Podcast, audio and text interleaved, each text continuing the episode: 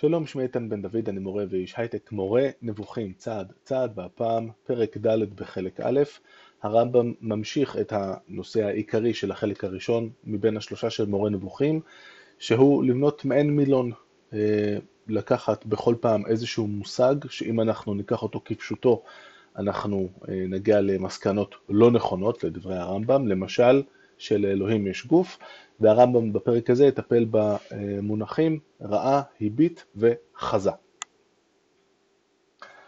דע שרעה והיבית וחזה, שלושת הביטויים האלה, מציינים ראיית העין, ושלושתם הושאלו להשגת השכל, להשגה שכלית של דבר מסוים, להבדיל מהשגה חושית. לרבי, לגבי רעה, דבר זה מפורסם בציבור הרחב. נאמר, למשל, וירא והנה באר בשדה. זאת היא ראיית עין, ראייה חושית. ונאמר, ולבי ראה הרבה חוכמה ודעת בקהלת, זאת היא השגה שכלית. כל, רש... כל לשון ראייה הבאה לגבי האל יתעלה, היא בהתאם להשאלה זאת, כגון שנאמר, ראיתי את אדוני, וירא אליו אדוני, וירא אלוהים כי טוב, הראני נא את כבודיך, ויראו את אלוהי ישראל. כל זאת השגה שכלית ובשום פנים לא ראיית עין, שהרי עיניים אינן משיגות, אלא גוף מסוים, גוף פיזי, ובכיוון כלשהו. זאת אומרת, אני עכשיו רואה, כאן יש לי ספר בזווית של 45 מעלות, ומאחוריי אם אני מסתובב, יש את הספרייה בזווית הזאת והזאת. לעומת זאת, אלוהים כמובן לא נמצא בשום מקום פיזי, אני לא יכול להגיד שאלוהים נמצא כרגע בזווית של 30 מעלות, ואני גם לא יכול להגיד שאלוהים נמצא בשמיים וכן הלאה, ובוודאי שאני לא יכול לראות אותו. שהרי עיניים, נחזור, אינן משיגות אל הגוף ובכיוון כלשהו, וכן כמה מן המקרים שלו.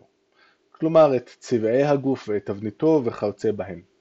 כשמדברים כאן על אה, מקרים, נזכיר שבראייה האריסטוטלית יש לנו עצמים מסוימים, ולעצמים האלה יש מקרים. למשל, השולחן שיש לי כאן, שאתם לא רואים, הצבע שלו כרגע הוא חום בהיר, אז השולחן הוא העצם, הצבע הספציפי שלו כרגע הוא מקרה. כלומר, אני יכול לצבוע אותו בקלות בצבע אחר, הילדים שלי עושים את זה כל הזמן, אמ, וגם הצורה שלו, אם כרגע זה, הצורה היא עגולה, אני רק צריך כמה מהלומות פטיש אה, מכוונות היטב, עגול זה כבר לא יהיה. אז גם הצורה הפיזית של העיגול היא מקרה בעצם שהוא השולחן. כמו כן, הוא יתעלה, זאת אומרת, כשהוא רואה משהו, אחד מהציטוטים כאן היה זה שאלוהים, אה, וירא אלוהים כי טוב, מסיפור הבריאה, אז כמו כן הוא, הוא, יתעלה, אינו משיג באמצעות איבר כפי שיבואר. זאת אומרת, אין לו עיניים פיזיות שהוא רואה איתם או משהו כזה, התפיסה שלו של, מה, של הדברים אה, אה, בעולם היא אחרת, כמו שיבואר, נגיע לזה אה, עוד הרבה פרקים. אה, בחלק א', אה, פרק מ"ו. אז טיפלנו במושג רעה, נעבור למושג הבא. כן נאמר הביט על הפנייה בעין אל דבר. אל תבט אחריך, ותבט אשתו מאחריו, וניבט לארץ. הוא הושאל לכך שהדעת פונה אל דבר ומתחילה להתבונן בו עד שהיא משיגה אותו. כך דבריו, לא הביט אבן ביעקב, זה מהקללה שנהפכה לברכה של בלעם, כי האבן, הרשע, אינו נראה בעין.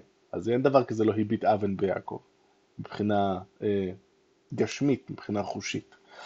וכך והביטו אחרי משה, זה בשמות ל"ג, שזה סצנה שמשה אה, נכנס לאוהל מועד וה, והעם ככה מסתכל עליו כשהוא נכנס, אז והביטו אחרי משה, אמרו החכמים ז"ל, שגם בדברים אלה יש משמעות זו. זאת אומרת המשמעות המושאלת, זה לא שהם באמת הביטו פיזית, אלא אה, ניסו לתפוס את, ה, את העניין, ושהם מגידים שהיו עוקבים אחר מעשיו ודבריו ומתבוננים בהם. אומרת לא בהליכה הפיזית שלו לאוהל מועד, אלא מנסים להבין איך הוא מתנהג, איך הוא מתנהל בעולם במטרה לחקות אותו. במשמעות זו דבריו, הבט נא השמיימה, בעברית בין הבתרים של אלוהים לאברהם, כי זה היה במראה הנבואה, ועל מראה הנבואה עוד נדבר הרבה מאוד במורה נבוכים. על דרך השאלה זו היא כל לשון הבטה הבאה לגבי האל יתעלה, כי ירא מהביט אל האלוהים, שזה משה, כשבהתחלה במעמד אה, הסנה הבוער, אה, הוא הסתיר את פניו, כי הוא ירא מהביט אל האלוהים, ותמונת אדוני יביט, דיברנו על זה כשניתחנו את הפרק הקודם, והביט אל עמל לא תוכל, סליחה, והביט אל עמל לא תוכל מחבקוק. אז טיפלנו ברעה, טיפלנו בהיבית, נשאר לנו לטפל בחזה.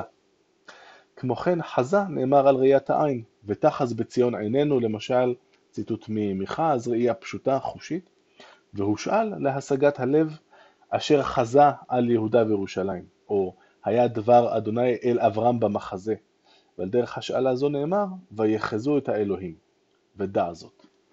אז ויחזו את האלוהים זה באמת, אה, זה בעצם הסצנה שיש לנו כחלק ממעמד הר סיני, יש אה, מעמד מאוד לא מובן אה, עם 70 אצילי בני ישראל שויחזו את האלוהים ויאכלו וישתו והם רואים את, את אלוהים ותחת רגליו משהו לבנת הספיר, משהו מאוד מאוד לא ברור, הרמב"ם ירחיב על זה בכמה מהפרקים הבאים וקודם כל בפרק הבא, פרק ה'.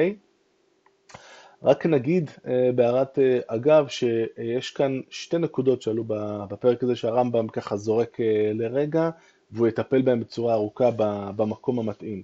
שני, שניים, שני מעמדות שכל אחד מהם בעצם זה אחד מהמקומות שהכי קל לתפוס אותם כהגשמה של האל, כאילו המקרא ממש מסביר למה לאלוהים יש גוף. מעמד אחד, הראני נא את כבודיך, פה אחד הציטוטים, מה שנקרא מעמד נקרא תצור, למי שזוכר, שמשה מבקש מאלוהים, הראני נא את כבודיך, האלוהים משיב לו, לא יראני האדם וחי, אבל אל תדאג, אנחנו נמצא איזה משהו, הוא שם את ה... אלוהים שם את הכף שלו על, ה, על הפנים של משה, ואז הוא עובר ומשה לא רואה, לא רואה את הפנים שלו, אבל הוא כן רואה את אחוריו, סצנה מאוד מוזרה. הסצנה השנייה שכבר דיברתי עליה לרגע, לרגע כאן, עם אצילי בני ישראל, שגם הם חוזים את האלוהים ויאכלו וישתו, אז על uh, המעמד של נקרת הצור, הראשון מבין השניים שתיארתי עכשיו, הרמב"ם יגיע לזה, uh, אתה יודע, יש עוד כמה עשרות פרקים עד שנגיע לשם, כשבדרך הוא בעצם יבנה לנו איזשהו פאזל עם הרבה מאוד מונחים שמופיעים בנקרת הצור, שהוא ככה נותן לנו רמזים קלים, והתמונה, הפאזל הזה, uh, יתחבר לנו בהמשך. לנושא של אצילי בני ישראל אנחנו נגיע uh, בכמה מהפרקים, אבל בעיקר בפרק הבא, פרק ה', שמיד נגיע אליו. להתראות בינתיים.